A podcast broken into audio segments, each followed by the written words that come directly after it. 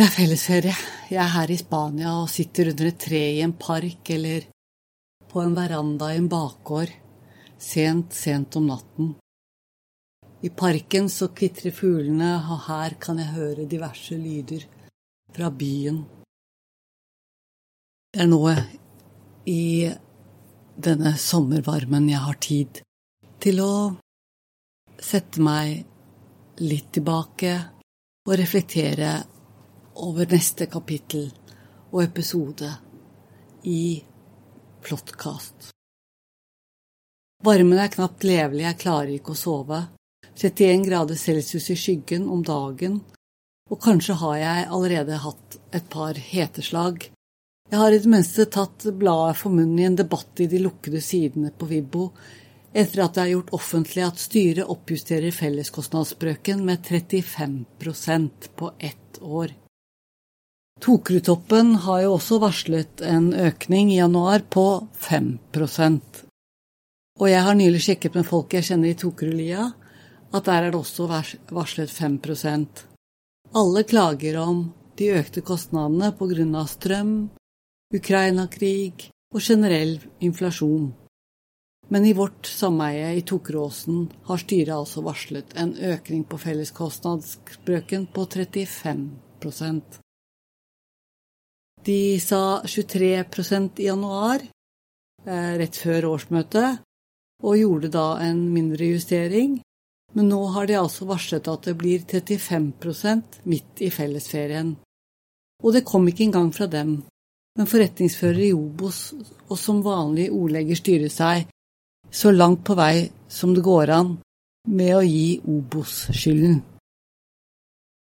En husleieøkning på og fellesbrøk på pluss 35% trenger åpenbart forklaring, og da er det litt lett å koke over. For det er jo ikke slik at jeg ikke har advart seksjonseierne og sameie.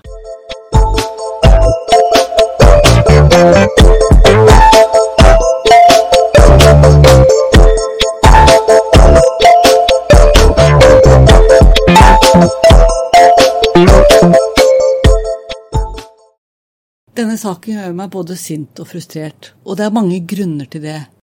Kanskje er det disse følelsene som står i veien når jeg har prøvd å ikke lykkes med å lage kunst av hva jeg opplevde i boligsameiet fra 2018 til i dag. Gjennom en podkast jobber jeg meg gjennom hendelsene og forsøker å forstå bedre, slik at det er mulig å finne en kjerne av sannhet i myriadene med løgn og lureri, følelser og vonde minner. Hva er i grunnen en podkast hvis det ikke er et rop om å bli hørt, når det enkleste ting i verden er å ignorere meg? Bare spør styreleder Nadir Ali. Jeg advarte styreleder dagen før møtet på Rommet Scene i 2018, og jeg fulgte opp to dager senere. Og to år gikk før jeg måtte sende et nytt brev 22. mai 2020, fordi jeg dagen før i forveien traff Remi Bollet og Nader Ali med et annet styremedlem på gresset utenfor mens jeg holdt på med i en dugnad for frivillig i det urbane landbruket. Remi spurte meg da det utrolige spørsmålet hvorfor mener du at årsmøtet på Rommet Scene ikke er gyldig? Jeg var klar over at Remi Marcel Boré var ny i styret i begynnelsen av 2019, men var han ikke informert? Jeg hadde ikke tid der og da til å diskutere detaljer, for jeg måtte tilbake til potettårnet men jeg fulgte opp og skrev et brev som fokuserte på noe langt viktigere enn om årsmøtet var gyldig eller ikke, og det var det viktige spørsmålet hvorfor er ikke samspillavtalen gyldig? Men det forhindrer ikke at et par uker senere, etter at jeg hadde sendt dette brevet, så gikk altså interim garasjestyre, Nader Ali og Remi Bolet fra vårt sameie inn for å igangsette et byggeprosjekt i en ikke-gyldig avtale. Og de kan ikke si at de ikke blir advart, og det er ikke mitt ansvar at voksne menn ikke er i stand til å ta imot råd fra kvinner. Denne episoden skal handle om hvordan selve prosjekt gikk fra samspillavtalen to ganger, og styreledere nektet å høre, lytte til dem også. Uansett, jeg varslet og varslet i over to år, prøvde å ta det til mitt eget styre.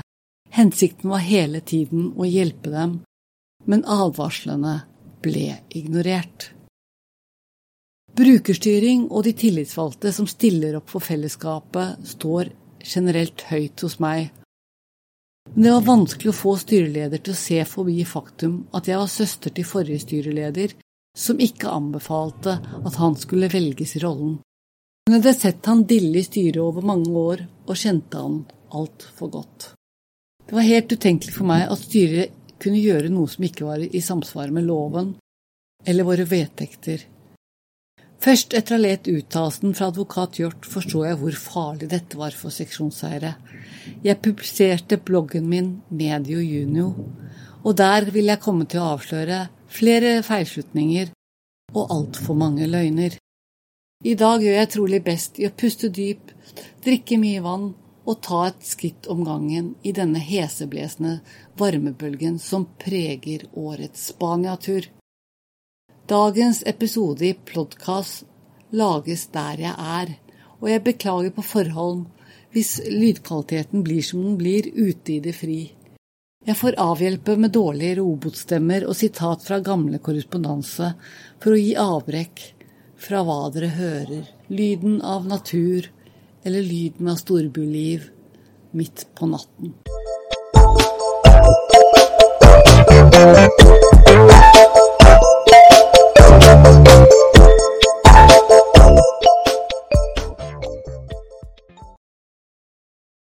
Jeg er dypt i sesong én og planlegger flere sesonger.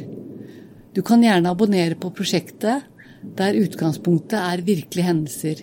Jeg bruker podkast for å finne plott og dramatikk fra virkeligheten som kan gjenbrukes og utvikles til fiksjon og drama, enten det er i romaner, til film eller på teater. Styreledere på Torsberget gikk inn i utførselsfasen i et prosjekt uten at finansiering var på plass. Kanskje forsto de ikke betydningen av prosjektfaser, og de følte de allerede var i saksa. Kanskje var de fryktelig redd fordi egen grådighet og feil hadde kostet penger. Når styreleder er en grønnskolling som knapt har betalt husleie, ser du ikke forskjell på krav mot egen person, som er på et par hundre tusen, og åtte millioner kroner. Uansett dette er derfor vi har styreforsikring. Men Ivar Solvang ville gjerne ta denne tomten, og han var villig til å gå skrekkelige omveier for å få den. Og styreledere stilte seg illojalt til eget sameie og valgte entreprenøren på bekostning av seksjonseierne. Så redd var de. Mitt navn er Sylvia Johnsen, og jeg vet ikke om det har foregått noe straffbart på Tokerberget. Men fra hva jeg kan se, falt samspillavtalen på årsmøter i Tokerudtoppen 2018, 2019 og 2020. Det året var seksjonseiere lei av og kastet like godt sameiets styreleder, advokat Alf Erik Volden, som tilsynelatende motarbeidet beslutningene de tok. Advokat Volden er i dag styreleder i et annet sameie på Tokerudberget, nemlig Tokerudlia, som bare for et år siden sendte søksmålvarsel mot Tokerudtoppen for nettopp disse vedtakene. Tokerudtoppen tok saken opp på nytt i et ekstraordinært årsmøte så sent som 14.12.2022. Men surprise, surprise, de hadde ikke skiftet mening. Og det var ikke nødvendig engang å gå til votering vurderte møteleder. Sesong én stiller spørsmål hva så, eller som jeg har formulert det, hva skjedde med samspillavtalen? Og denne episoden vil ta for seg de to gangene selve prosjekt mer eller mindre halvhjertet gikk fra avtalen før de tok beslutningen å stå ved bløffene til Ivar Solvang. Første gang Selvåg prosjekt i realiteten gikk fra samspillavtalen, skjedde imidlertid et halvt år tidligere, 11. mai 2020. Det skjedde før styreledere 8. juni vedtok i hemmelighet i interim garasjestyre at de ville tvinge Tokerudtoppen, enten sameiet ville eller ikke.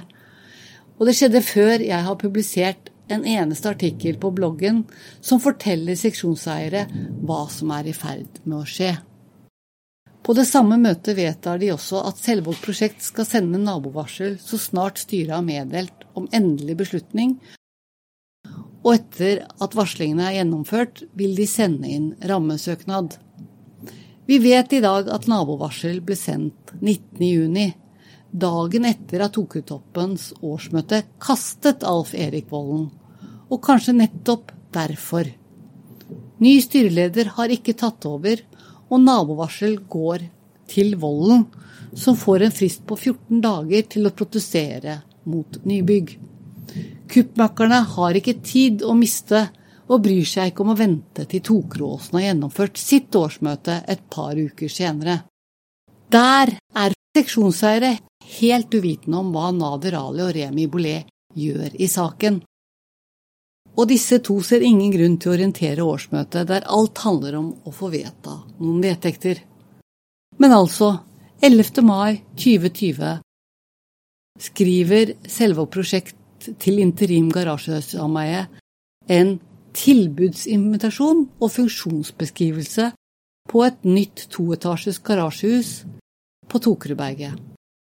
Huset er estimert til å koste ca. 71 millioner kroner. Dette er prosjektet styreledere har søkt om å bygge. Prisen falt senere med 16 millioner kroner til 55 millioner kroner, bare dagen etter at undertegnede gikk med lapper i postkassen og varslet at jeg skrev blogg om saken. Mindre kostnad på 20 millioner kroner nesten, samme dag som bloggen ble kjent, virker unektelig litt rart. Men hoveddelen av beløpet lar seg faktisk forklare i prosjektbeskrivelsene fra entreprenøren. For hva som synes å bli vekke er ekstra støttepilarer i øverste etasje. Så kan du spørre hva ekstra støttepilarer i andre etasje skal støtte opp om. Og da må du ha i mente at Ivar Solvang kom til Tokerudberget med en plan om å bygge blokk, og Tokeråsen sa resolutt nei. Det er vanskelig å spekulere, for kan det være at prosjektet Interim garasjestyre faktisk blir presentert for, er bygging av en sokkel på en blokk? Der Selvåg får monopol eller åndsverksrettigheter for videreutvikling av tomten. Entreprenøren får tomten gratis, og faktisk betaler seksjonseiere dyrt med lån og tid for byggherrens risiko- og drømmeprosjekt. Jeg bare spekulerer her, og vil bruke en kjent teknikk i dramaturgi og utvikling av plott når jeg stiller spørsmålet Hva hvis? Hva hvis garasjesameiets representanter ikke er så opptatt av å bygge garasjehus som de gir inntrykk av de to representantene fra Tokutoppen og Alf Erik Vollen inkludert. Kan det være mer kyniske vurderinger der de jakter på fortjeneste i en tomt de ikke eier og har ingen festerettigheter på? Hva hvis den egentlige hensikten er å opprette et fjerde garasjesameie der de to andre boligsameiene som ikke har festerettighet på tomten, får flertall og overprøver Tokeråsens sterke motvilje mot å bygge blokk?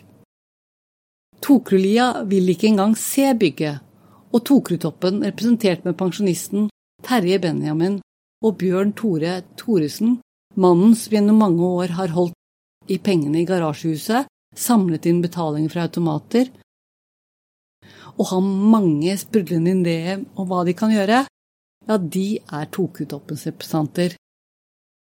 Det som fremgår tydelig, er at dette sameiet vil starte fra første dag enten det står et bygg på tomten eller ikke, og flertallet kan bestemme hva som helst.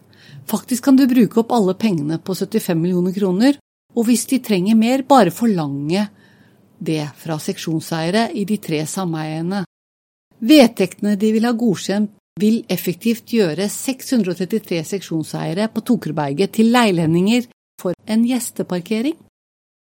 Hva hvis hele poenget er et fjerde garasjesameie med eget juridisk organisasjonsnummer og rettigheter til å ansette og betale honorar?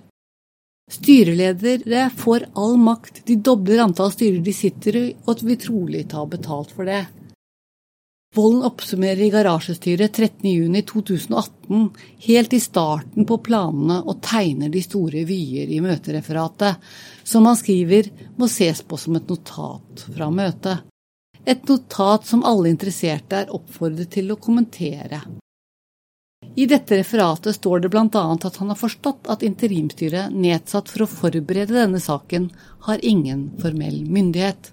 Et punkt han har tatt med for framtiden han skisserer juni 2018, er spørsmålet om de skal innhente eksterne rådgivere til organisering og drift av garasjen i framtiden. Faktisk, når eh, forslaget kommer opp i 2020, når alt sammen er samlet i en innkalling på over 151 sider, så er et av forslagene fra styret og Volden at de skal endre vedtektene slik at Tokutoppens representanter i garasjestyret ikke blir valgt fra sameiets styre. Han vil ikke lenger at det skal være i årsmøtet og to representanter fra styret som skal gå inn i garasjesamarbeidet, men ber om at styret får en fullmakt der de bestemmer hvem det skal være, og det behøver ikke nødvendigvis være en seksjonseier som bor på Stovner. Hva hvis styreledere planlegger sin egen pensjonstilværelse som styreledere og skal fortsette å bestemme alt, inkludert egen lønn, uten å bry seg så mye om arbeidet, enten det er å organisere dugnader, krangler med kronglete seksjonseiere og alt som er brysomt? Alf Erik Vollen krever å få litt under 400 000 kroner for å være styreleder i Tokutoppen, og du kan ta det for gitt at han ikke skal ha mindre betalt for å sitte i styret til gjesteparkeringen. Hva hvis dette bare handler om å gi ekstrapenger til et par utvalgte styremedlemmer? Hva hvis prestisjeprosjektet direktøren i Selvåg prosjekt jakter på er langt større, bedre og mer lønnsomt? Inge Solvang har vært med lenge og kjenner historien til Olav Selvåg, og vet at datteren solgte bryllupsgaven Stovner senter for en halv milliard kroner. Denne tomten er i gangavstand, og med nye reguleringsplaner åpner man for at det kan både bygges bilveier og høyhus i området, som f.eks. er det en visjon om enda større senter, kommersielle butikker og gater.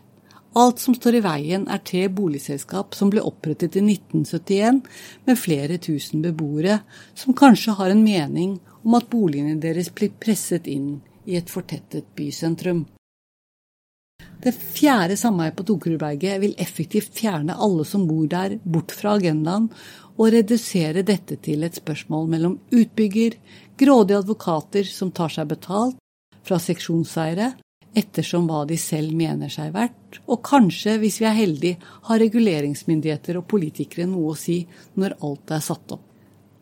Det er i innkallingen foran årsmøtet i Tokerudtoppen jeg finner tilbudsinvitasjon og funksjonsbeskrivelse av et nytt toetasjes garasjehus fra Selvåg prosjekt, datert 11. mai 2020.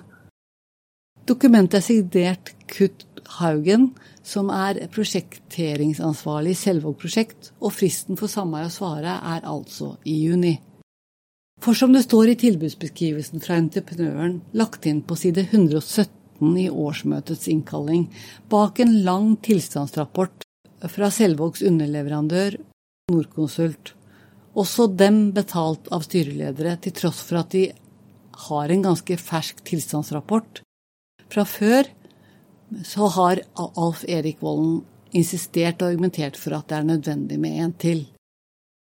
Advokaten legger alle krefter inn for å overtale tokretoppen og bruker så mye av sameiets oppsparte midler til riving som han bare kan. Tilstandsrapporten er klar, og sa for tre år siden at rehabilitering ville komme på 58 millioner kroner.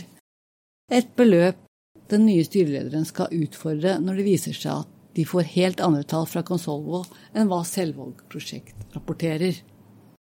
Estimat er litt lik tenk på et tall, og jeg forstår godt de som ikke stoler på tallene som kommer fra Selvåg prosjekt, etter å ha sett dem nærmere i kortene siden 2020. Kutt Haugen lover at huset kan stå ferdig i mars 2021. Og de viktigste milepælene i prosjektet for å komme dit står listet på side 132. Og det starter altså med dette konkurransegrunnlaget, dokumentet i hendene, levert 11. mai 2020. Her formuleres det at det er en konkurranse, som om Selvåg prosjekt, totalleverandøren, har en konkurranse mellom mange tilbydere, en anbudsrunde som ikke eksisterer i praksis. Fristen for styret å svare er i juni, og milepæl nummer tre er altså selve kontraktinngåelsen innen juli 2020. Selvåg prosjekt har altså forstått at de trenger å få signert en ny kontrakt med styreledere i løpet av fellesferien, og denne er ikke lagt fram for årsmøter, og det har aldri vært en votering om det skal bygges et toetasjers garasjehus. Men selvvalgt prosjekt trenger en kontrakt fordi den de har, er ikke gyldig. Ja, du kan iallfall spekulere i at det er derfor. Før interim garasjestyre hadde valgt å gå for bygging kontra rehabilitering, som Tokutoppen krevde utrettet, har Selvåg en forståelse for at det mangler en gyldig kontrakt, og kan dette være fordi samspillavtalen falt. Haugen svarer i august på e-post når han får spørsmål fra Tokutoppens nyvalgte styreleder. Da har situasjonen tilspisset seg, og jeg har blant annet publisert en blogg. Den nye styrelederen i Tokutoppen stiller seg bak sameiets beslutninger og er sterkt kritisk til prosjektet. Så Haugen svarer i august på e-post når han skal fortelle Tokerudtoppens nyvalgte styreleder hvilket grunnlag de har når de presser søknaden videre i Oslo kommune, og han får dette svaret 21. august, altså tre måneder etter tilbudet. Hei, vårt oppdrag, bekreftet av de tre sameiene, er å utrede, prosjektere og søke om rammetillatelse for å rive og gjenoppbygge tilsvarende garasje som i dag. Vurdering av hva som er rettslige dokumenter overlater vi til jurister å avgjøre, hvis og når prosjektet kommer til en rettslig prosess. Per i dag forholder Selvåg prosjekt seg til samspillsavtalen signert 1.3.2018 og det mandat Selvåg prosjekt har fått av de tre boligsameiene, med vennlig hilsen Kurt Tryvaire Haugen jeg svarer, er det altså klart at Selvåg prosjekt ikke har en kontrakt på et toetasjes garasjehus. Ingen seksjonseiere har noensinne hørt om dette tilbudet, eller sett det. Ingen årsmøter har tatt stilling til om det er noe de vil ha, og styrene har uansett ikke mandat til å inngå kontrakter i denne størrelsen uten to tredjedels flertall i årsmøter. Det har Selvåg forstått. Men de har ikke fått kontrakten, og derfor så forsvarer de samspillavtalen. Men prosjekterer har likevel søkt etter at styreledere bestilte et garasjehus i to etasjer fra Oslo kommune. Styreledere har betalt registreringsgebyr og behandlingskostnader oppunder nesten 700 000 kroner til kommunen alene. Jeg skal ikke nevne hva Selvåg koster i tillegg, fordi her vet jeg egentlig bare om én faktura på timer som forfalt i juli 2020 på kroner 395 000. Og jeg tør ikke å tenke på hvor mange av denne type fakturaer styret har betalt uten noen garanti for at de får levert noe som helst de neste tre årene. Når jeg snakket med Ivar Solvang fra Selvåg prosjekt siste gang, visste han at styringene ikke har involvert seksjonseiere, og prosjektet mangler forankring. Det betyr at entreprenør ikke kan ha en rimelig forventning om å holde sameiene ansvarlig for hva styreledere har gjort, jf. eierseksjonsloven paragraf 60. Alle som ikke kjenner til arbeidet de har gjort i Prateklubben Grei, eller interim garasjestyre om du vil. Vedtakene er underkjent, de kan ikke ta slike beslutninger etter eierseksjonsloven. Hvem som helst kan si at disse bestillingene har vi ikke gjort. Kort sagt, hvem som helst andre enn dagens styreledere og styrene deres fra 2018, 2019 og 2020 kan be Selvåg prosjekt ryke og reise med sine urimelige pengekrav. Ivar Solvang sier derfor i byggeherremøtet, som er referatført med de andre garasjestyrene 1.9.2020, at sameiene gjør best i å kvitte seg med dem. Dette er en av de siste møtene min søster Vivian er med, og hun forstår godt hva det betyr. Styreleder Nader Ali og Remi Bollet har imidlertid andre planer, for ingen av dem vil ut av styret, og de tror kanskje det er mulig å tvinge en kontrakt til å bli gyldig. Hvis de bare fortsetter å betale, så kan Selvåg levere. Ivar Solvang posisjonerte seg for å trekke seg ut på dette byggemøtet 1.9., og han spiller et spill der han later som om at alt er i orden fra deres side.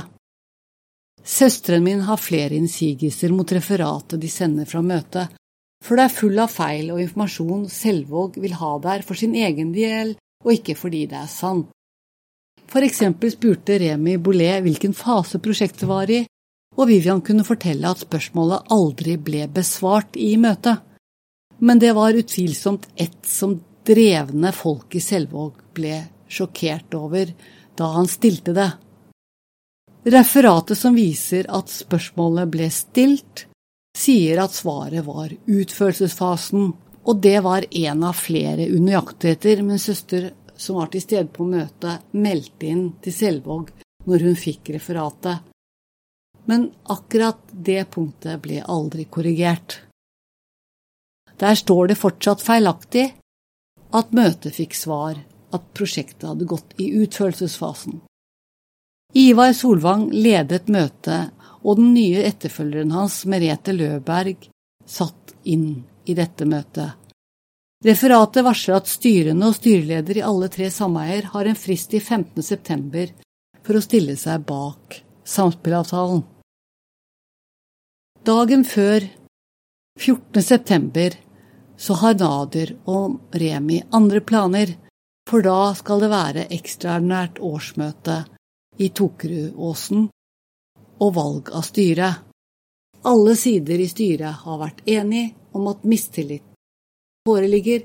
Problemene med hva samspillavtalen betyr, påvirker styret og har skapt en veldig skarp stemning. Nadir Ali, Fetter Umar Ali, Remi Bollet og Suleman Razak har bestemt at det er viktig for dem å bli gjenvalgt og det er viktigere enn å ha en åpen og ærlig debatt om veien videre. En debatt som kanskje kan rydde litt opp i problemer og sikre sameiet bedre, er noe disse gutta absolutt ikke vil ha. De vil bare ha bort alle kritiske stemmer og gjøre som de vil. De vil ikke orientere om situasjonen, de vil ikke si hva de har tenkt å svare Selvåg dagen etter det ekstraordinære årsmøtet, og de vil ikke fortelle at samspillavtalen kan komme til å koste seksjonseierne 100 pluss millioner kroner. De vil ikke si hva og hvordan de skal løse problemet, og de vil ikke belyse åpenbare feil med samspillavtalen, problemer med prosjektet og alt mulig annet. Styreleder og nestleder vil ikke snakke om at Obos-banken sa nei til lån, for de har fått hjelp av forretningsfører Lillian Slåen, og banken har nå satt seg villig til å gi en garanti og lån likevel dersom Nader Ale signerer noe. Og hva det er, vil de heller ikke snakke om. De vil ikke snakke om Obos og hvor mye de vil tjene, 10-15 millioner kroner bare i vårt sameie på lånet vi må ta. De vil heller ikke snakke om feil i søknaden. De spør seg ikke hvorfor både Selvåg og Obos er villige til å ta disse risikoene for dem, og syns heller ikke å forstå at de kan ta dem så langt, men ikke lenger. Foruten gyldig kontrakt kan Selvåg aldri rive og starte bygging av et nytt garasjehus av den enkle grunn at det tilhører ikke styret, men til 633 seksjonseiere, og hver og en av dem står fritt til å saksøke entreprenøren skulle de forgripe seg på felles eiendom uten mandat. Selvåg har rett og slett et straffansvar, og er dessuten en seriøs aktør. Denne forsiden vil det ikke være på. Det vises til samspillsavtala 1. mars 2018 samt til senere møter, e-poster, utredning av alternative tiltak for fellesgarasjen, innsendt rammesøknad til Oslo kommune 3. juli 2020 og referat fra byggherremøtet avholdt 1. september 2020. Ivar Solvang starter med å si noe om diskusjonen styreledere har åpnet. Brevet 2.10 nevner deres ønske om å bygge noe mindre og søke om lavere parkeringsnorm. Dette har de nå sagt i sameiet at de ønsker å gjøre.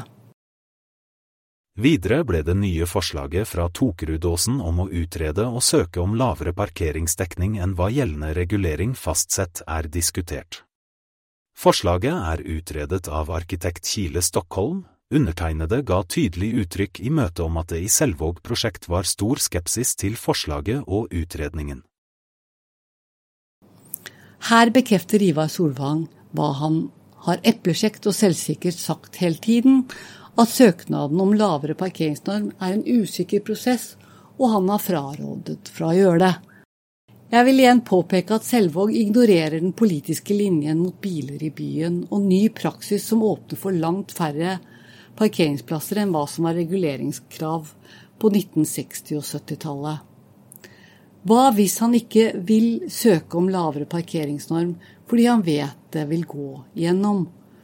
Og det vil åpne det langt vanskeligere spørsmålet om hvorfor trenger vi et hus i det hele tatt, når parkering på tomten, altså på bakkenivå, er mye billigere. Selvåg prosjekt tjener ingen penger på at ingen bygger noe, og får heller ikke låst tomten til eget selskap. Møtedeltakerne bekreftet at byggherreorganisasjonen ikke står samlet bak samspillsavtalen. Dersom Selvåg prosjekt skal jobbe videre med prosjektet, inkludert alle rådgivere og underentreprenører, må en samlet byggherreorganisasjon anerkjenne samspillsavtalen og beslutte et av følgende punkter. Punkt 1. Arbeide videre med innsendt rammesøknad og dispensasjonssøknad med parkeringsnorm 1,25. Punkt 2. Trekke innsendt rammesøknad og søke på nytt om dispensasjon for lavere parkeringsdekning. Eller punkt tre Å avvikle samarbeidet mellom E-feltgarasjen og Selvåg prosjekt, og avtale et vederlag for tapt fortjeneste.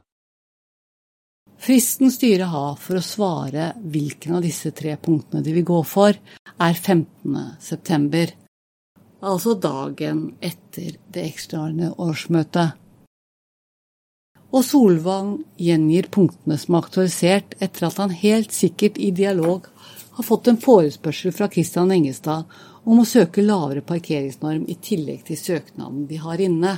Dette er vedtak garasjestyret gjorde, men referatet er aldri sendt ut, for advokat Engestad har utvilsomt fått vite etter dette møtet at det vil være et problem for Selvåg. To motstridende søknader, to ulike bygg, er et klart brudd på plan- og bygningsloven, og en prosess lagt opp i reguleringen der Selvåg prosjekt har ansvar for kvaliteten. Ja, i denne prosessen har entreprenøren et straffansvar. Ivar Solvang har vært villig til å strekke seg langt for dette prosjektet, men jeg er rimelig sikker på at han vil sette strek for å gå i fengsel for det. Deretter i brevet fra Selvåg prosjekt har Ivar Solvang 2.10.2020, da, da de går fra samspillavtalen. Der peker direktøren på svaret de to styrelederne faktisk leverte 15.9., dagen etter at styret har fjernet alle kritiske stemmer og fått full kontroll på pengene våre. To av de tre sameiene har besluttet at man ønsker å forfølge alternativet om å søke lavere dispensasjon, 1,07, og da eventuelt bygge et mindre garasjehus. Det tredje sameiet har ikke kommet med en konkret tilbakemelding. Her fremgår det for første gang tallet 1,07. Søknaden om lavere parkeringsnorm er altså på 1,07. Og det er et viktig tall, fordi styreledere har varslet at de vil søke om å bygge noe mindre, men de har oppdaget nyansene underleverandører og arkitekten fra Kila har sagt om dispensasjon, nemlig hva Ivar Solvang har underkommunisert, og det er at slike unntak i parkeringsnorm er fullt mulig, sannsynlig til og med. Ganske riktig godkjenner Oslo kommune dispensasjonen i parkeringsnorm, og de får gjennomslag for søknaden på 1,07. Men hvorfor akkurat dette tallet? Hva hvis søknad om parkeringsnorm 1,07 er for syns skyld? Selvåg har satt foten ned og fortalt dem at de må ha en søknad om gangen. Styreleder har sagt de vil søke om lavere parkeringsnorm, og med denne vil Selvåg prosjekt være fornøyd, fordi det er fortsatt behov for to etasjer, siden en parkeringsnorm på 1,07 mangler plass til mellom seks og åtte biler. Bygget er fortsatt like stor i bygningsmasse og like dyrt å bygge. Selvåg tjener penger og behøver ikke svare for radikalt endrede søknader til en kommune som følger reglene og kan gi overtredelsesgebyr dersom alt ikke går riktig for seg og prosjektet endrer seg radikalt. Gebyr som er langt større enn de 700 000 kronene som styreledere allerede har betalt for behandling av den søknaden som er levert og godkjent. Søknad om lavere parkeringsnorm på 1,07 har den egenskapen at styreleder kan si at de har søkt hva de sa, og bygningsmassen er det samme og koster like mye. Det er bare antall parkeringsplasser og inntekten på disse som er lavere. Ja, og Oslo kommune viser at det kanskje ikke var så lurt å la Ivar Solvang drive prosessen ukritisk, for alt han har sagt om reguleringsplaner har vist seg å ikke stemme. To uker etter det ekstraordinære årsmøtet i Tokeråsen, der Nader Ali og hans flertall tok full kontroll og kastet ut kritiske stemmer fra styret i et ekstraordinært årsmøte, har trolig Selvåg lest både innkallingen og referatet til denne skampletten i samheiets historie. Her avdekker styreleder at han ikke vet hva en vararepresentant i styret er for noe, og hvordan ansvar som påligger de enkelte styremedlemmer, fungerer. Han har heller ikke forstått poenget med referater og avstemning i styret, og vil ende med, før året er omme, å slette begge styremøtereferatene fra 26.8.2020, som er de to styrevedtakene som eh, bestemte at det skulle være et ekstraordinært årsmøte. Dette var styrereferat signert med bank-ID, og de var juridisk bindende dokumenter som bl.a. leveres til revisor og årsavstemming. Styreleder ødela juridisk bindende dokumenter. Men jeg vil i senere episode ta for meg manipulasjon av årsmøter og hvilke konsekvenser det har for sameie, seksjonseiere og kostnader.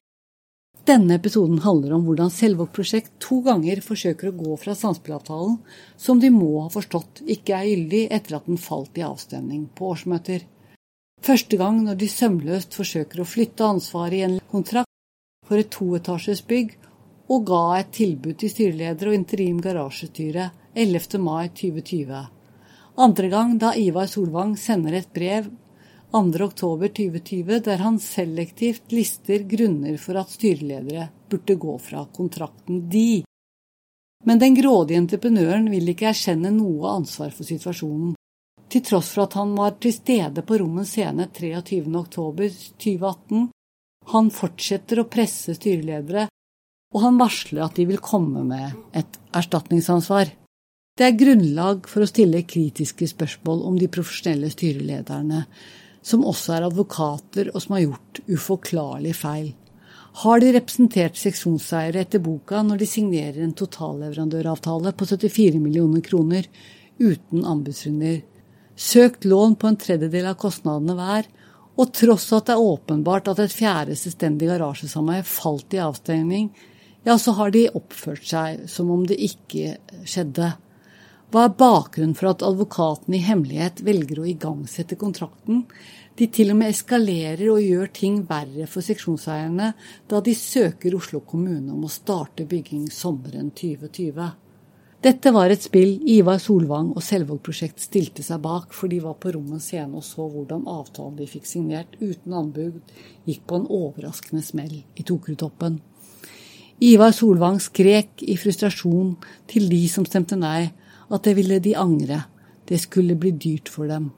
Selvåg prosjekt har tjent gode penger på en ikke gyldig kontrakt, og de ville for all del ikke erkjenne det for de har et ansvar i plan- og bygningsloven.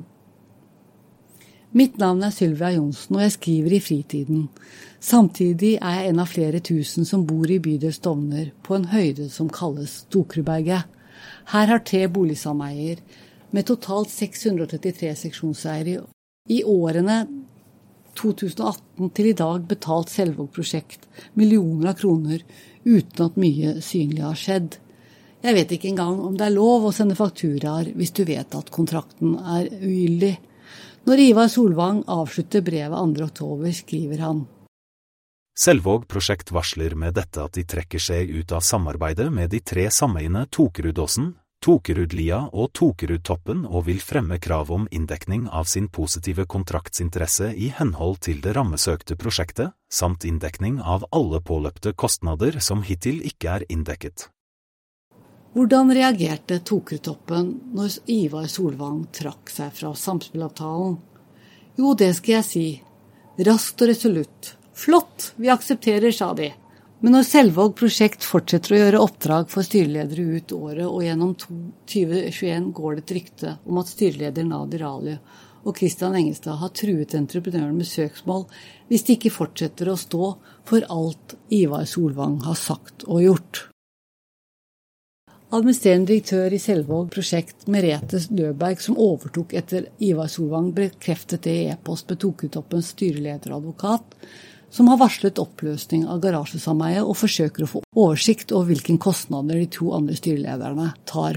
Store summer går fra Tokuberget til Selvåg prosjekt etter at Ivar Solvang har sagt de går fra samspillavtalen 2.10.2020, og det er signaler i styrets skriv om at de planlegger å rive årsskiftet 2020 og 2021 i løpet av sommeren 2021 og gjør seg klar igjen ved årsskiftet 2021 til 2022. Arbeidet gjøres til heftige timepriser for å forberede en riving som ikke har en gyldig kontrakt. Merete Løberg bekrefter det i en e-post 6.12.2021 når styreleder og advokat i Tokerudtoppen jakter på informasjon og kostnader som blir tatt i deres navn viser til brev fra Tokerudtoppen av 23.11.2021. Det er riktig at Selvåg prosjekt varslet at det ville trekke seg fra samarbeidet dersom de ikke fikk bekreftelse på at arbeidet ville bli finansiert av lagene. Åsen og Lia har som flertall i sameiet bekreftet dette og ønsker å gå videre med trinn 1, riving av eksisterende garasjehus. Selvåg prosjekt har derfor valgt å hjelpe lagene videre med prosjektet. Men det finnes ingen lag på Tokerudberget, bare en stillingskrig mellom fire parter der alle er mot alle.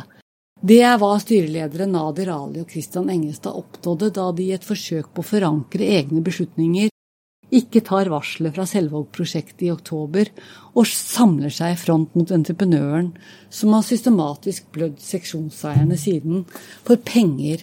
Disse to advokatene var villige til å betale enda mer for å holde seg i posisjon, og prøver med penger å gjøre noe umulig, nemlig å gjøre en ikke gyldig avtale gyldig. Desember 2021, etter denne e-postutvekslingen med Tokretoppen, som ikke lenger er bundet av samspillavtalen, får kanskje Løberg kalde føtter. For styreledere har åpenbart blitt forelagt en kontrakt og blitt bedt om å signere på at de tar ansvar for kostnadene i sine to respektive sameier.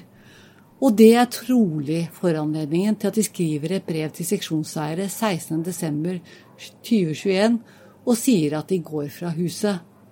Men ingen bryr seg om å fortelle Oslo kommune om det, for huset står der med godkjent byggetillatelse. Og Selvåg vil ikke si til noen, som jeg kjenner i alle fall, om samspillavtalen er gyldig eller ikke, om den er aktiv eller ikke. Kanskje er det slik at Selvåg er fornøyd med alle pengene de har fått i 2021 og 2022, for når året er over, er sameiets egenkapital på bunn. Hva som har skjedd med samspillavtalen er det ingen som sier noe om i styreberetninger, og hva eventyret kostet oss er like hemmelig i 2023 som det var i 2020. Garasjehuset står der og kan ikke brukes, og hvem sin skyld er det?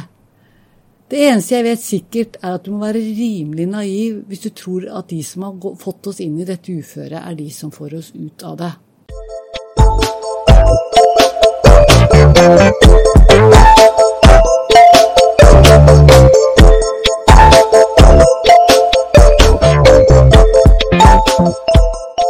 Hvis det bare var for styreleder å fremme sakene på nytt, og slite sameie og seksjonseiere til å stemme som advokatene vil, så kunne podkasten stoppe her. Men det sier noe om demokratiet hvis det skulle lykkes, og det er kanskje den mest alvorlige læringen jeg har hatt i hele denne miserable affæren. Jeg vil snakke om sameiedemokratiet og hva styret og sameie årsmøtet får lov til og ikke lov til å gjøre i senere episoder. Hvilke betraktninger politikere har gjort når de har gitt oss det rammeverket vi har, men også rollen til Obos eiendomsforvaltning og hva seksjonseiere kan forvente av forretningsførere og revisorer når ting blir vanskelig. Hvis du bor på Stovner eller et digert sameie og lurer på hva som kan skje når du deler utgiftene med 200 pluss og andre seksjonseiere, bør du abonnere på Plottkast. Jeg bruker virkelige hendelser i tre boligsameier for å lære mer om dramaturgi, og dette er også podkasten for deg som vil skrive. Husk å abonnere.